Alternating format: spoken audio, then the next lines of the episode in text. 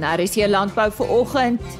Ons is steeds op 'n kuilvoer toer saam met Richard Venter van Exai Unlimited. Vanoggend stop ons in die Vrystaat en hy gesels oor eh, kuilvoer maak in die Vrystaat van die grootste kuilvoerbankers in Suid-Afrika word in die Vrystaat aangetref, maar daarmee saam ook groot probleme.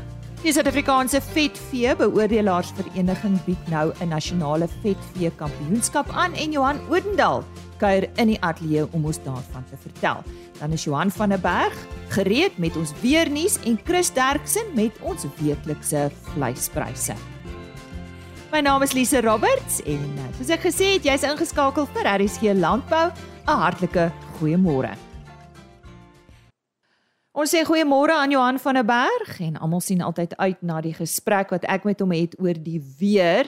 Johan hier in Pretoria het ons aan verlede week heerlike reën gehad, maar ek hoor dit was maar kol kol en plek plek gewees. Hoe lyk die vooruitsigte? Goeiemôre. Goeiemôre Lize. Ja, ehm um, die kolle reën gehad het was maar relatief klein. Ons weet daar in KwaZulu-Natal rondom Pietermaritzburg verder noord was daar kolle wat oorstromings of kom ons sê uh kleinerige oorstromings gehad het nie oor groot gebiede nie. En dan ook uh, in in Limpopo sien daar in Polokwane was ook dan gedeeltes van Gauteng veral Pretoria gedeeltes maar oor die algemeen was reën vir die res van die land maar redelike uh, ligte neerslae wat wel goed was dit het uh, soos byvoorbeeld in die Oos-Vrystaat het dit gereeld elke dag so 'n paar millimeter gereën en daarmee saam het dit 'n redelike klompie daarin gereën. So ek dink dit was 'n redelike effektiewe reën oor die sentraal na oostelike dele. Weswaarts bly dit baie droog alhoewel daar ook kolle in die Noord-Kaap is soos daar uh, naby Griquastad dit het ook omtrent so 30 mm gereën. So ja, hier en daar het dit gereën. Uh maar nie oor groot gebiede nie in die Oos-Kaap het daar ook kolle vir al die droë dele rondom Jansenwil, Stytlerwil het daar ook klompie voorgekom. So ja, dit het redelik wyd, maar nie noodwendig swaar neerslaan nie. En uh, wat kan ons verwag vir die volgende week of so Johan? Ja, dis interessant. Dit lyk of hier uh oor die noordoostelike dele van die land dat daar 'n tipe van 'n afsnit stelsel kan ontwikkel um, en dat redelike swaar reën kan voorkom. Uh ons praat hier van die oostelike dele van Limpopo, uh die Laagveld, uh, selfs gedeeltes van Gauteng en dan af na die noordelike dele van KwaZulu-Natal. Um dis egter nie spesifiek dat hierdie gebiede dit kan kry nie want dit is baie moeilik voorspelbaar en dit kan ander plekke of dit kan uitbrei na ander plekke toe.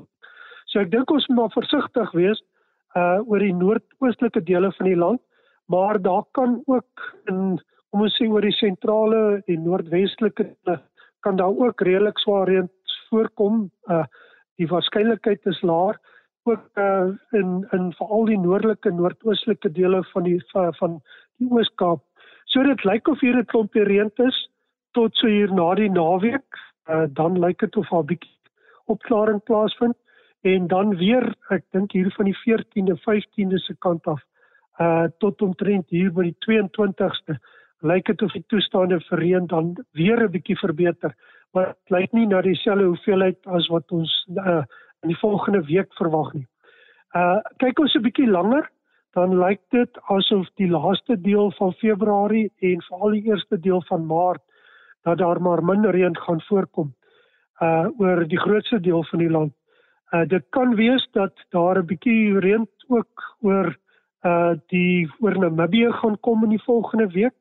Uh wat oor die Noord-Kaap kan inbeweeg en dalk ook oor die Oos-Kaap wanneer die hoëdrukstelsel hier oor die noordoostelike dele van die land uh, na hierdie volgende week behoort weer te vestig en ongunstige toestande dan weer verreend oor die noordoostelike gedeeltes gaan gee na hierdie week sou so redelike swaar reën wat voorspel word en dat daar dan vog oor Namibië Noord-Kaap dalk kan afkom. Maar soos ons sê op hierdie stadium is dit baie onvoorspelbaar. Uh dit uh, daar is nog steeds aktiwiteit uh, hier rondom die Mosambiek kanaal wat vir ons sterk laagdrukstelsels gee en wat uh, invloed op die weer kan hê. Die stem daar van Johan van der Berg en uh, volgende week kuier hy weer saam met ons. Voor ons voortgaan met ons program, 'n nuwe rekord vir 'n Angora bokveiling is onlangs aangeteken toe gemiddeld van R15126 per ram behaal is. Die rekord is behaal toe vier van die oudste Angora stoete in die wêreld hulle top jong ramme op 'n veiling in die Graafrenet distrik aangebied het. Die vier stoete is Matisfit Angoras, Borden Angoras, Thornpark Angoras en Wheatlands Angoras. Max van der Walt en Emil Janse van Rensburg, beide van Sutherland, het die kolle gesteel met 'n beste prys van R80000 vir 'n ram. Die ram is geteel en aangebied deur Shaun Hobson van Matisfit Angoras in Jansenwil. En die Afrikaanse privaat hoër onderwysinstelling Akademia hoop om binne die volgende paar jaar 'n nuwe landbougraad bekend te stel. Die tersiêre instelling het onlangs 'n samewerkingsooreenkoms met die Hongaarse Universiteit van Landbou en Lewenswetenskappe gesluit. Dit is die eerste samewerkingsooreenkoms wat Akademia met 'n instansie buite die Suid-Afrikaanse landsgrense sluit. Die ooreenkoms is vir 5 jaar geldig en sal hoofsaaklik fokus op samewerking tussen die instellings van landbou en lewenswetenskappe in die areas van navorsing, onderrig en fakulteitsontwikkeling. Volgens Dirk Herman van Akademia is die plan om oor 'n paar jaar 'n BSc landbougraad bekend te stel. Dis dan vir eers die nuus so 'n bietjie later nuus vanaf Vrystaat Landbou. So bly ingeskakel. As ons oor kuilvoer gesels vandag, gaan kuier ons in die Vrystaat hierdie keer. Ons is op 'n kuilvoer toer deur die land. Ons is eers in die Wes-Kaap, toe in die Oos-Kaap, toe in KwaZulu-Natal en vandag die Vrystaat. Môre Richard. Haai man, ja, ek is so bly om oor die Vrystaat te gesels want ek dink ons almal het 'n het 'n stukkie uh van die Vrystaat dalk nie net in ons nie, maar ons het ten minste al daardeur beweeg. Ehm um, waarheen ons ook al ry, moet ons mos deur die Vrystaat ry in hierdie land van ons. Ehm um, die Vrystaat het 'n paar interessante uitdagings met kuilvoer. Daar's van die grootste bankers wat in ons land bestaan is in die Vrystaat, byvoorbeeld daar by groot voerkrale. En daar's 'n klomp uitdagings wat daarmee saamgegaan het. Jy weet, 'n groot banker beteken 'n baie groot gesig en 'n baie diep banker. Nou daar was al gevalle van 'n uh, gesig in uh, instortings waar daai gesig uh, inval en dit is natuurlik 'n groot veiligheidsrisiko ook vir mense wat daar werk. Maar die algemene probleem met 'n uh, kuilvoer gesig is eintlik maar net die groot suurstofblootstelling op daai gesig. Dit beteken dat maak nie saak hoe vinnig jy voer nie, jy jaag heeltyd jou stert. Jy's heeltyd besig om kuilvoer te voer wat al enkele ure of dae aan suurstof blootgestel is. En dit beteken dat daai suurstof aktiveer word aerobies en natuurlik begin die mikroorganismes daar opgroei. So dit lei tot aerobiese onstabiliteit en dis nou maar net die naam vir kuilvoer wat warm word. Nou almal ken kuilvoer wat warm word. Dit is natuurlik baie sleg vir innames. Uh, Daar's ook natuurlik verdere toksines wat daarop kan groei as gevolg van die die die swamme, selfs wanneer ons swam en muf nie sien nie. En natuurlik die ehm um, die impak wat dit op verteerbaarheid het in die dier. Die die voedingsstowwe is net nie meer beskikbaar nie en word baie keer gebind as gevolg van daai hitte. So, wat is die oplossing? En ek dink in die Vrystaat het hier 'n een eenvoudig enorme omwenteling plaasgevind waarvan die grootste kuilvoermakers in die land wat in van die grootste bankers in ons land was oorgegaan het na silosakke toe. En dit moet vir jou iets sê van die verliese wat ons dra op groot bankers, op bankergesigte en die verliese wat daar bestaan in in hierdie stoorvorms. So silosakke het 'n groot omwenteling veroorsaak en daar lê 'n groot hoeveelheid tonne kuilvoer nou op die manier gestoor. Natuurlik met 'n met 'n groot voerkraal wat uit 'n silosak uit kuilvoer voer, beteken hy beweeg baie vinnig deur daai sak. So jy het 'n klein gesig en jy beweeg die heeltyd deur die gesig. So jy het die, die, die totale ander ekstreem aan die ander kant van die skaal wat betref aerobiese onstabiliteit. Jy jy kan nie varser kuilvoer voer as jy dit so vinnig en so baie tonne 'n dag uit 'n silosak uit uh verwyder nie dit vat natuurlik die uh, die hele argument rondom veiligheid en uh, instortings van daai gesigte ook weg. Uh die bestuur van 'n banker gesig waar jy moet 'n minimum hoeveelheid afval waar jy moet al die losmateriaal verwyder. Al daai bestuursfaktore val nou weg en die boere wat hierdie skuif gemaak het is uh, tot dusver baie tevrede uh met daai oorgang en hou dit gerus dop hoe dit uh, versprei dit is reeds nasionaal maar dit is aan die versprei. Richard baie dankie. Ons is hierdie is nou deel 4 in ons reeks uh oor kuilvoer. Ons is besig om te toer saam met Richard deur die land. Waarheen kuier ons volgende week? Wel, uh, Lisa, ons gaan Noord-Kaap toe. Selfs al weet ons dit is nou nie die grootste landbou gewasproduksie area nie. Daar's genoeg kuil vir om oor te gesels in die Noord-Kaap. So kom ons gaan kyk. En dit is dan uh, Richard Venter. Hy is van Agsai Unlimited. Indien jy graag met hom wil gesels, stuur 'n e-pos na Richard. Dit is met 'n DT aan die einde by agsai.co.za. Daardie Agsai is A G S C I. Richard by axai.co.za. As jy nou eers ingeskakel het, goeiemôre. Jy luister na RSG Landbou. Baie welkom. Ons sluit nou aan by Chris Derksen vir ons weeklikse vleispryse. Dit is pryse wat behaal is by veilinge in die Noord-Vrystaat. Goeiemôre Chris. Goeiemôre Lisa en al ons medeboere. Gee graag vir julle die markverslag vir die Noord-Vrystaat van Woensdag die 8ste Februarie. Die totale mark het regtig nog al die tyd onder druk alhoewel dit baie mooi gereën het wat mense altyd positief stem. Vetbeeste gaan beter as mares wat met voerkraal toe gaan. En dan die ander interessante ding is die informele mark van skape wat so groot rol begin speel is regtig onder baie groot druk. Hoofsaaklik dink ek net omdat ons gewone mense swaar kry. Maar ek gee vir julle die presiese pryse. Speenkalvers onder 200 kg het gegaan tot R37.20 van 200 tot 250 kg R35.50 en oor 250 kg R34.18. A-klasse was R31.80 B-klasse R25.50 en vetkoeie R24. Maarkoeie het gewissel van R18 na R21.30 en slagbulle was op R25.47. Altyd interessant dat slagbulle so konstant bly. Skape was stoorlammetjies R35, slaglammers R34.15, stoorskape R28 en vetskape R28.16 wat vir jou aanduiding is dat die informele mark de definitief baie swaar kry. Boklammers was R49.50 en ooe R35.55 wat ook ongewoond is want bokke doen altyd baie beter as skape. Dan verder indien ons van enige verdere hulp kan wees, skakel ons maar enige tyd na 08280 75961. Baie dankie. Chris Derksen wat altyd bereid is om met ons te gesels oor tendense en 'n kommentaar te lewer oor vleispryse, die huidige stand van sake en uh, natuurlik hierdie pryse wat hy deurgegee het is pryse wat behaal is by veilinge in die Noord-Vrystaat. Net weer hulle webtuiste indien jy graag na die pryse wil gaan kyk www.vleisprys.co.za.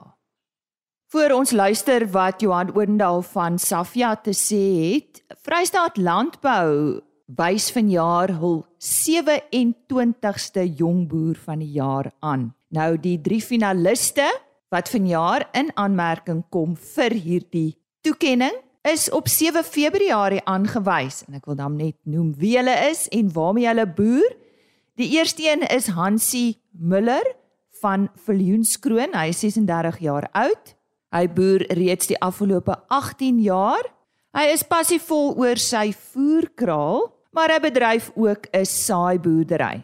Dan Henny Geldenhuys, hy is van Excelsior, 37 jaar oud. Hy is die bestuurende direkteur van die familie Stroop Kontrakteur Onderneming en bedryf ook sy eie saaiboerdery.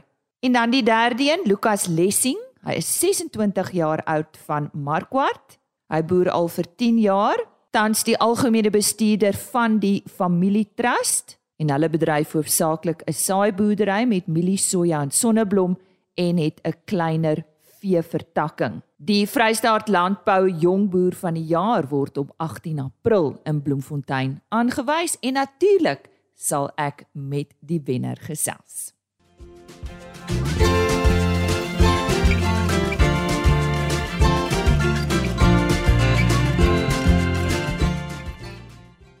Ons gesels vanoggend met Johan Odendaal van Safia. Nou Safia staan vir die Suid-Afrikaanse vetvee beoordelaarsvereniging. Johan, welkom vir die eerste keer hier by ons. Baie baie dankie Lize. Nou ek verneem Safia, julle hou nou julle eie Suid-Afrikaanse nasionale vetvee kampioenskap. Dit het julle van stapel gestuur. Vertel ons bietjie meer daarvan. Goed, so in die onlangse verlede, so min of meer in die helfte van verlede jaar, en daar uh, was daar gebeure gewees en het ons in staat gestel om ons eie kompetisie daar te stel. Ehm um, soos almal miskien onthou van Safia het ons altyd in die verlede eintlik die laaste 16 jaar die op die hoef van die lewendige diere ehm um, beoordeel ehm um, voor 'n kompetisie en ja, soos ek noem dat dat ons het 'n geleentheid gekry om dan die karkasse ook te beoordeel. So ons doen nou beide kante van die kompetisie, die die lewendige diere en die karkas gedeelte. Ehm um, dit is 'n dit is 'n ding wat eintlik 'n lang pad kom Ehm uh, ek moet miskien net vinnig dit noem dat Safia nie kompetisies self reël nie. Ons het nou self die die die uh, reëls daar gestel vir die kompetisie en dan organiseerders plaas ehm um, skoue ehm um, boereverenigings nasionale skoue reël die sulke kompetisies en vra vir ons om dit te beoordeel. Ehm um, ons het ons het bietjie meer gaan klem lê op wat die boer en die handelaar of die die produsente ehm um, vra. Dit is meer dit is waarop ons ons fokus ingestel het waar ons ons reëls op vasgelê het. En dit is in kort wat gebeur het. Dink jy die vee wat nou in die mark gesit word, uh, se kwaliteit het verbeter of gaan verbeter as gevolg hiervan? Ja, ons moet onthou dat soos ek gesê het, die boere reël die kompetisies vir hulle self. Nou gelukkig en is dit omtrent die enigste manier waar 'n boer of 'n produsent dan sy vooruitgang kan meet. Baie boere verkoop speenkalvers en voerkrale. En hy sien nie noodwendig die eindproduk aan die einde van die dag nie. Um en hierdie is 'n is 'n is 'n ideale geleentheid waar hulle dan van hulle diere terughou, hulle voer hulle soos in 'n voerkraal scenario. Hulle skryf hulle in op 'n kompetisie want dit is waar hy dan na 'n slagpaal toe gaan om te sien wat is die uiteinde die karkas kwaliteite van sy diere wat hy teel. En en dit is 'n groot kompetisie in die land en ek dink daar's mense wat wat al weet in die verlede dat die die op die hoef gedeelte is is is is is 'n groot kompetisie tussen die boere. Want dit is waar elkeen sy amper sy opponent se beeste sien en ehm um, en dan direk daar daar kompeteer en dit is tog vir hulle 'n prestige geleentheid ook. Maar ons moet onthou die liewe Vader het net soveel grond vir ons gegee. Daar's nie meer grond nie. Inteendeel, ons produktiewe gronde van boere word minder. Ons het ons het groter boere en ons moet meer produktief boer. En boere het dit nou reg gekry oor die laaste 10 jaar en ons is baie betrokke by opleiding ook. Het ons het het almal nie ons die produsente het eintlik vreeslik hard gewerk om meer vleis met dieselfde hoeveelheid diere op dieselfde hoeveelheid grond te produseer. En en dit is die belangrike ding daarin. Ehm um, ons ons ons weet die boere het dit so suksesvol reg gekry en, en ons moes dan nou ook die reëls as gevolg van daai vooruitgang moet ons 'n bietjie aanpas. Um om aan die produsente se behoeftes te voldoen want hy is tog die man wat wat wat voor staan en dit vir ons reël. Johan sê gou vir my hoe verskil uh, uh ja Safia se kompetisie met ander? Goed, um in 'n in 'n neutedop. Ons ons lê baie klem op bouvorm en uitslagpersentasies. Ehm um, as ons praat van bouvorm, bouvorm is 'n vleis tot been verhouding. En dit is waar ek nou na verwys het waar die boere vooruitgang wys. Jy het dieselfde dier, maar hy het 'n baie beter bouvorm, so hy dra meer vleis tot been verhouding. So hy produseer meer vleis. Ehm um, dan die uitslagpersentasie, dit is waarop ons baie hard konsentreer. Dit is die geldmaker vir die boer. En dan vir die produsent in in dieselfde asem, want as ons ons uitslagpersentasies verhoog, dan is daar baie meer vleis. En dis rande en sente. Jy weet 1 of 2 of 3% wat hy beter uitslag, Dit is meer geld in 'n produsent se se sak. Ehm um, ons ons kyk na die na die vet is tog belangrik. Ehm um, maar ons kyk na die bouvorm en die vet op 'n gelyke voet. Ons en ons dis 'n visuele punt. Ons meet nie vet nie. Ons doen dit slegs visueel. En dan het ons ook nie 'n onderskeid tussen 'n 2 en 'n 3 vet uh, klassifikasie nie. Ons sien daai twee is dieselfde. Weereens, van die mark betaal presies dieselfde prys vir 'n 2 en 'n 3.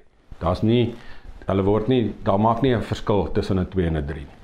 Ehm um, so ons het ook dan dit goed gedink om nie die boere te penaliseer daarop nie.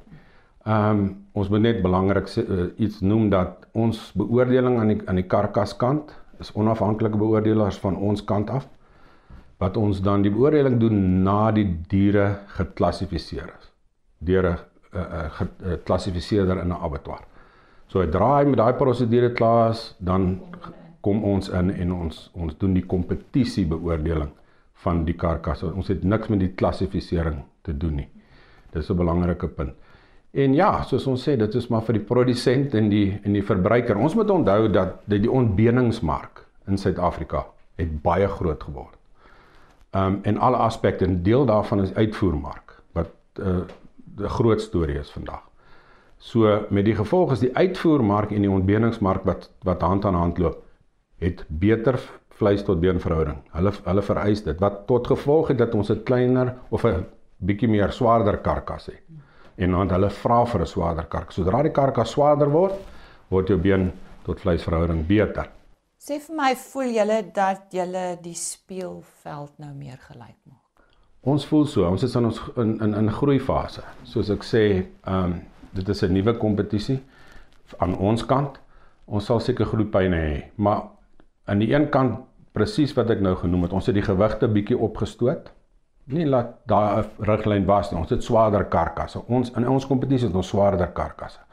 Ons soek 'n beter uitslagpersentasie en ons soek beter vleis um, tot beenverhouding. Maar gepaard gaande daarmee omdat die karkasse swaarder word, het ons daar's geen diskriminasie tussen rasse nie. Maar nou kan ons later ryp rasse, wat as ons net gou verduidelik, 'n later ryp ras is 'n dier wat bietjie later vet aansit.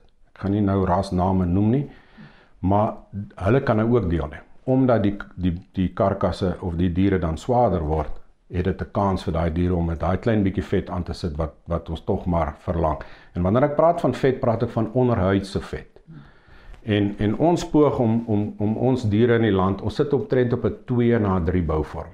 Dit is dit is die algemeen is. En ons kant wil ons hom vat na 'n 4 en 'n 5 toe.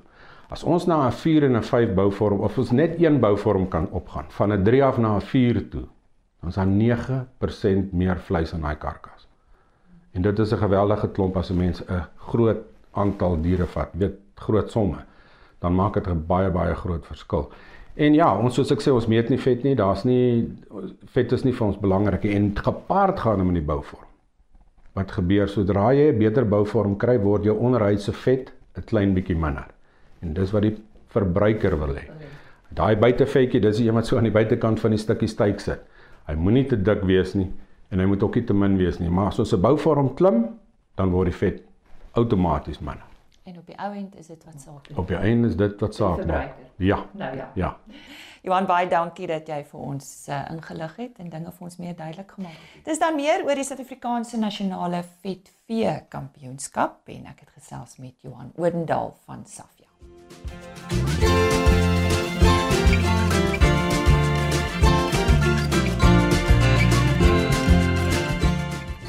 En so kom 'n week dan ook tot 'n einde. Vandag is dit nou wel eers donderdag, daar's nog 2 dae oor, maar van my kant af moet ek groet tot maandagooggend. Dankie vir jou tyd hierdie week. Maak gerus uh, weer so maandagooggend om 5uur vir nog 'n aflewering van RC Landbou. Ek kan sommer nou al vir jou sê ek gesels met Felix Reinders vir die van uh, ons luisteraars wat hom nie ken nie. Hy is 'n landbouingenieur verbonde was verbonde aan die Landbou Navorsingsraad en as ons praat oor water en waterskaarste in landbou is hy die regte persoon om mee te gesels. Baie lekker gesprek wat ek vroeër met hom gehad het, gehad het in die ateljee oor water, landbouwater en waterskaarste ook in die wêreld. Dis maandagooggend om 5:00. Ek sluit af met 'n e-posadres en webtuiste. Kom ek begin vandag met ons e-posadres. rsglandbou@plaasmedia.co.za. rsglandbou@plaasmedia.co.za. Dan is die volledige RSG landbou programme op rsg.co.za as potgooi beskikbaar en dan die onderhoude word afsonderlik gelaai op ons webtuiste dit is www.agriorbit.com Totsiens RSG landbou is 'n plaas media produksie met regisseur en aanbieder Lize Roberts en tegniese ondersteuning deur Jolande Rooi